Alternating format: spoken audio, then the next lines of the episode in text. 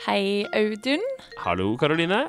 Og til deg som hører på, hei og velkommen til Storyslam Oslo sin podkast. I denne episoden så skal du få høre fortellinger som ble fortalt på Storyslam Oslo sitt livearrangement den 17. oktober på Kulturhuset i Oslo. Eh, og Audun, du er singel. Veldig. Veldig. Skikkelig, skikkelig singel. Jeg, pleier å si at- jeg pleier å si at jeg er en av de fem singleste mennene i byen. Oi. Mm. Ja. Mm. Eh, men er du på Tinder, da? Nei, jeg er ikke det. Eh, og grunnen til det er at telefonen min er en eh, Nokia 130, så den har ikke bilder. Jeg kan ikke, altså, den har ikke kamera, jeg kan ikke motta bilder. Eh, den har ikke norsk ordliste engang. Jeg bruker dansk ordliste og prøver å lære den norsk. OK. Eh, og jeg skrev alt det på Tinder-profilen min, og et- etter det så har jeg ikke fått noen matcher. Nei. Nei. OK. Kanskje du får noen matcher eh, etter denne podkastepisoden. Hvis noen kjøper en ny telefon til meg, så kanskje. Så kanskje. Eh, For neste forteller, eh, episodens første, det er Kristin Ringel. Og den eh, episoden handler om nettopp det. Jeg er en person som blir veldig lett forelska. Jeg forelsker meg i kjendiser. Jeg forelsker meg i menn som smiler til meg på bussen. Og jeg vet ikke hva det er med meg, men jeg forelsker meg i nesten alle som gir meg litt oppmerksomhet. Men noen ganger så blir jeg mer forelsket enn andre. Og for to år siden, da jeg var 18 år og fremdeles ukysset, møtte jeg mitt livs store kjærlighet. En franskmann som jobbet som konditor. Og jeg elsker kaker. Så allerede der var jeg solgt. Jeg ble så forelsket i denne fyren, og jeg hadde bare lyst til å være sammen med han hele tiden. Men etter to hete uker sammen kom dagen hvor han skulle forlate meg. Han hadde vært i Oslo på utveksling, og nå skulle han flytte tilbake til Frankrike. Jeg ble helt knust. Jeg skjønte ikke hvordan han kunne komme inn i livet mitt, ta over alt, og så bare forlate meg. Ja, vi hadde bare kjent hverandre i to uker, men jeg var overbevist om at vi var skapt for hverandre, og at han ikke skjønte det, det var ikke til å leve med.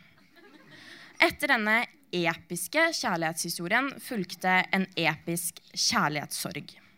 Jeg ble så lei meg. Jeg gråt hele tiden. Moren min skjønte at det var noe oppriktig galt med meg. Og ingen av mine venner kunne forstå hvordan jeg kunne bli så lei meg pga. en gutt jeg hadde kjent i to uker. Men etter hvert som tiden gikk, så begynte livet å se lysere ut. Jeg sluttet å gråte så mye, og jeg oppdaget at det fantes flere fisk i havet. Noen måneder senere så var jeg på et julebord. Og der var det en venninne som sa til meg Kristin, jeg vet hva du burde gjøre. Du burde laste ned Tinder. Og jeg hadde hørt om Tinder. Og jeg hadde bestemt meg for at det skulle jeg aldri ha. Men etter gruppepress fra samtlige på dette julebordet lastet jeg altså ned Tinder. Og jeg husker egentlig ikke hva som skjedde resten av det julebordet, fordi jeg bare satt på mobilen min og swipet. Og jeg forsikret alle om at jeg skulle aldri møte noen fra Tinder. Jeg skulle bare ha det for gøy. Det endret seg to dager etterpå, da jeg dro på min første Tinder-date. Og det var en ganske mislykket date av flere ganske åpenbare grunner. Eh, annet at jeg var 18 år, eh, veldig uerfaren og veldig naiv, og han var dobbelt så gammel som meg. Eh, og fordi jeg sendte han en melding fem minutter før vi skulle møtes, og spurte om det var greit at jeg tok med to venninner. Jeg hørte aldri noe fra han igjen, men jeg lot ikke én dårlig Tinder-date stoppe meg, så jeg fortsatte å treffe flere. Og kort tid etter så møtte jeg en gutt som jeg likte kjempegodt. Og jeg ble forelsket i han. Og vi hadde det veldig fint sammen i noen uker, men plutselig sluttet han å svare på meldingene mine. Og jeg fortsatte å sende dem. Og fortsatte og fortsatte. Til slutt kom svaret. Han var ikke interessert lenger. Og da ble jeg veldig lei meg, for jeg var allerede forelsket i han. Og så merket jeg at mange av de følelsene som jeg hadde hatt da franskmannen forlot meg, var på vei tilbake. Så for å stenge ut alle de følelsene, så tenkte jeg jeg må bare treffe en ny. Og da hadde jeg allerede Tinder. Men jeg gikk i en rebound-felle. For de som ikke vet hva et rebound er, så er det noen man bruker for å komme seg over en annen. Et veldig hyggelig konsept. Problemet for meg var bare at jeg forelsket meg i reboundet. Så for hvert rebound jeg møtte, så måtte jeg ha et nytt for å komme meg over det forrige. Og sånn havnet jeg i en veldig ond sirkel. Og dette resulterte i at jeg var følelsesmessig helt utslitt og var veldig mye lei meg. Etter hvert så innså jeg at jeg hadde utviklet kronisk kjærlighetssorg. Jeg var ikke lenger bare lei meg pga. denne franskmannen. Jeg hadde i tillegg kjærlighetssorg pga. 15 andre. Og jeg skjønte at jeg burde slutte med Tinder. Jeg hadde bare ett problem. Jeg var blitt Tinder-avhengig. For samtidig som dette var et mareritt, så var det også et eventyr. Og jeg syntes det var så morsomt å dra på Tinder-dates. Hele konseptet, det første møtet, hvordan ser han ut i virkeligheten, kommer vi til å ha noen kjemi? Altså, jeg, jeg fikk et skikkelig kick av det å dra på Tinder-dates. Så selv om jeg visste at jeg burde, så klarte jeg ikke å slutte. Og det er et veldig dårlig utgangspunkt å date når man har kjærlighetssorg. Fordi det er veldig lett å gjennomskue. Og jeg er veldig lite diskré. Så jeg følte at alle jeg data, merket at jeg hadde kjærlighetssorg fordi jeg var veldig påtrengende og veldig emosjonell hele tiden. Men ja Det fortsatte i mange måneder. Men en kveld så var jeg på en Tinder-date med ja, Det var sikkert min hundrede Tinder-date. da.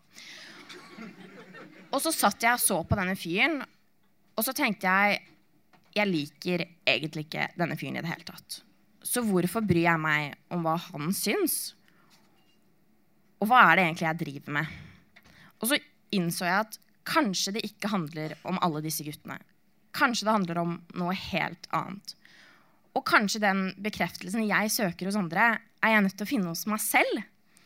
Og da jeg innså dette, så forlot jeg denne daten, og så dro jeg hjem og så googlet jeg ordet kronisk. Og da kom det opp en definisjon i store medisinske leksikon at kroniske sykdommer ofte forveksles med uhelbredelige, men at mange kroniske lidelser er helbredelige på sikt. Og det var en trøst i sorgen for meg. For da skjønte jeg at selv om jeg har kronisk kjærlighetssorg nå, selvdiagnosert riktignok, så betyr ikke det at jeg må ha kjærlighetssorg for alltid.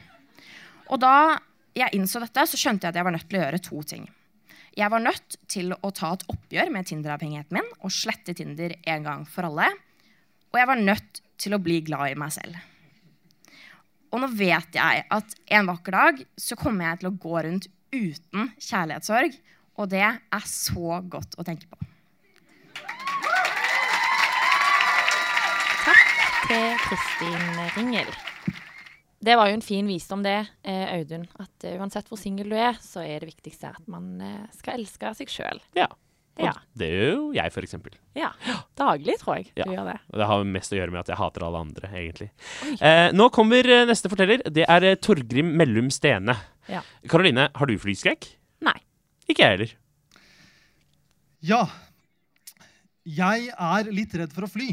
Og når jeg sier redd for å fly, så betyr det at eh, hver gang jeg går på et fly, så pleier jeg å skanne ansiktsuttrykkene til flyvertene for å sjekke om det er noe grunn til bekymring. Smiler de litt sånn kunstig? Er det noe de ikke forteller oss? liksom? Jeg følger veldig nøye med på sikkerhetsinstruksen, selv om jeg kan den utenat. Og jeg sitter som på nåler. Eh, Er det noen som kjenner seg igjen? Halvveis. Jeg eh, merker til, Hvis det er en sånn mikroendring i motorduren, så tar jeg bare og forestiller meg at nå kommer vi til å krasje i en eh, glødende ildkule. ulike varianter av det. Og jeg sitter alltid ved midtgangen, for det gir meg en promille ekstra sjanse for å overleve hvis noe skulle skje. Jeg blir veldig detaljorientert med negativt fortegn. med andre ord.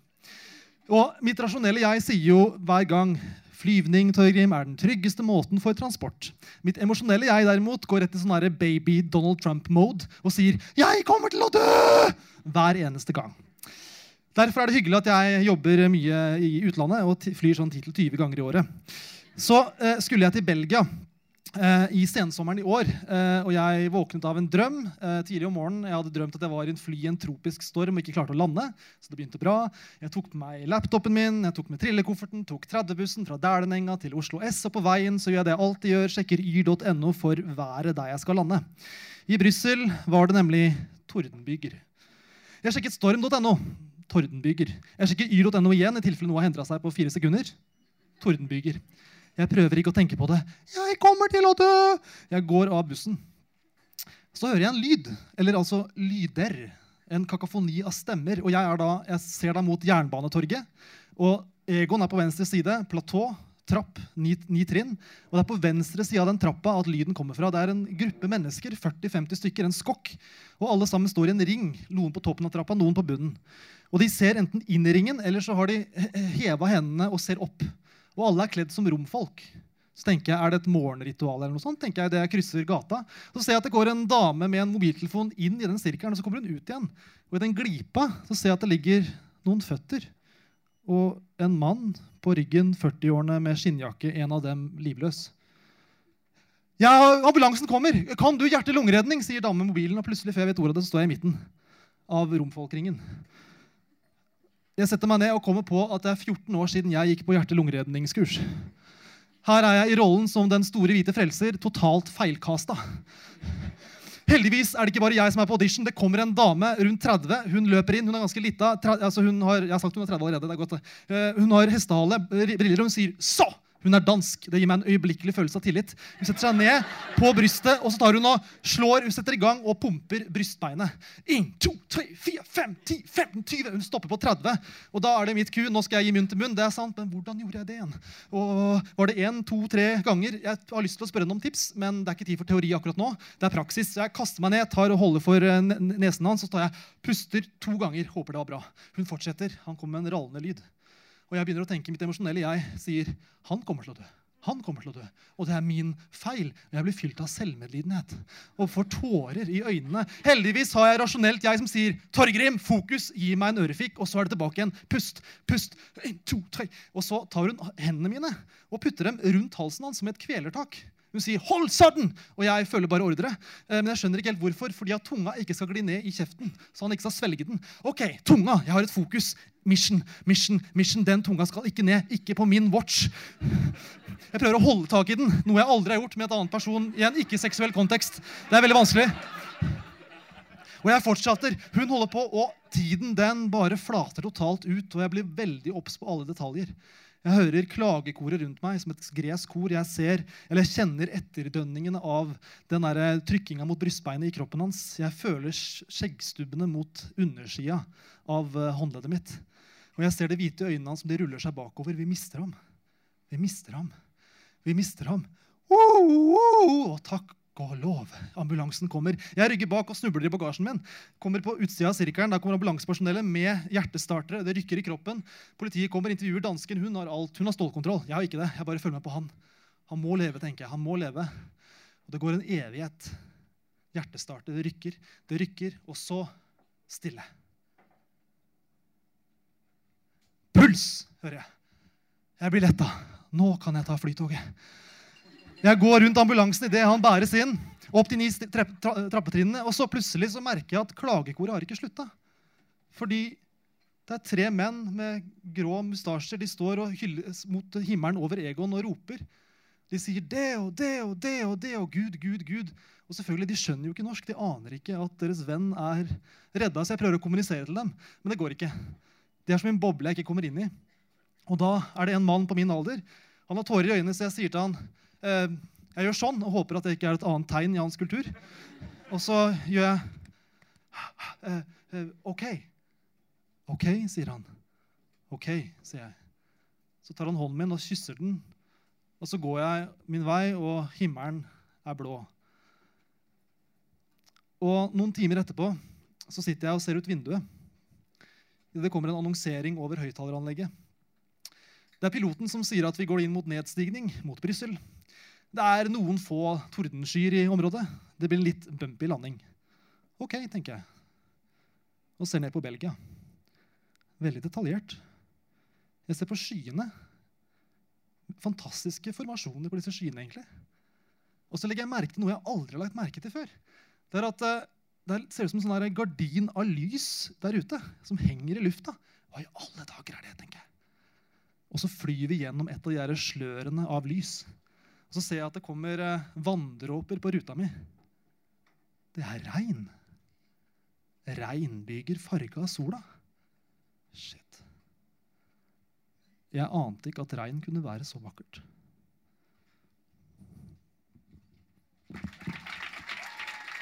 takk til Torgrim Mellumsten. Ja. Og hvis du som hører på nå, tenker at eh, jeg òg har en fortelling som jeg har lyst til å fortelle på scenen på Storyslam, så kan du det. Da må du bare ta kontakt med oss, enten på Facebook-siden vår, Storyslam Oslo, eller du kan sende oss en e-post på storyslamoslo.gmail.com. Og så har vi en Instagram-konto også, sikkert. Det har vi. Men Eh, ja, Den er verdt å sjekke ut. kanskje ikke den beste kontakt... eh, ja, den beste måten å kontakte oss. Nei, kanskje ikke. Eh, men eh, vi arrangerer også workshops som man kan eh, gå på, hvor man kan jobbe med fortellingen sin. Eh, Koster det penger, Karoline? det koster ikke penger, det er gratis Wow! og skikkelig hyggelig. Så må vi også minne om at eh, vi skal ha et show den 28. november på Rockefeller i Oslo. Eh, det er et eh, slags finaleshow, en, nesten en slags sesongavslutning, kan vi kalle det. Ja. Grand Slam heter det, eller Store Slam, som jeg liker å kalle det. Hvor vinnerne av Storyslammene vi har arrangert så langt, kommer for å konkurrere om å være best av de beste. Og da skal de fortelle nye fortellinger, så ikke vinnerfortellingene. Man kan kjøpe billetter på ticketmaster.no, og det er sikkert et par igjen. Så kom og se showet. Ja. Det blir gøy. Det blir så gøy. Takk for nå. Takk for nå.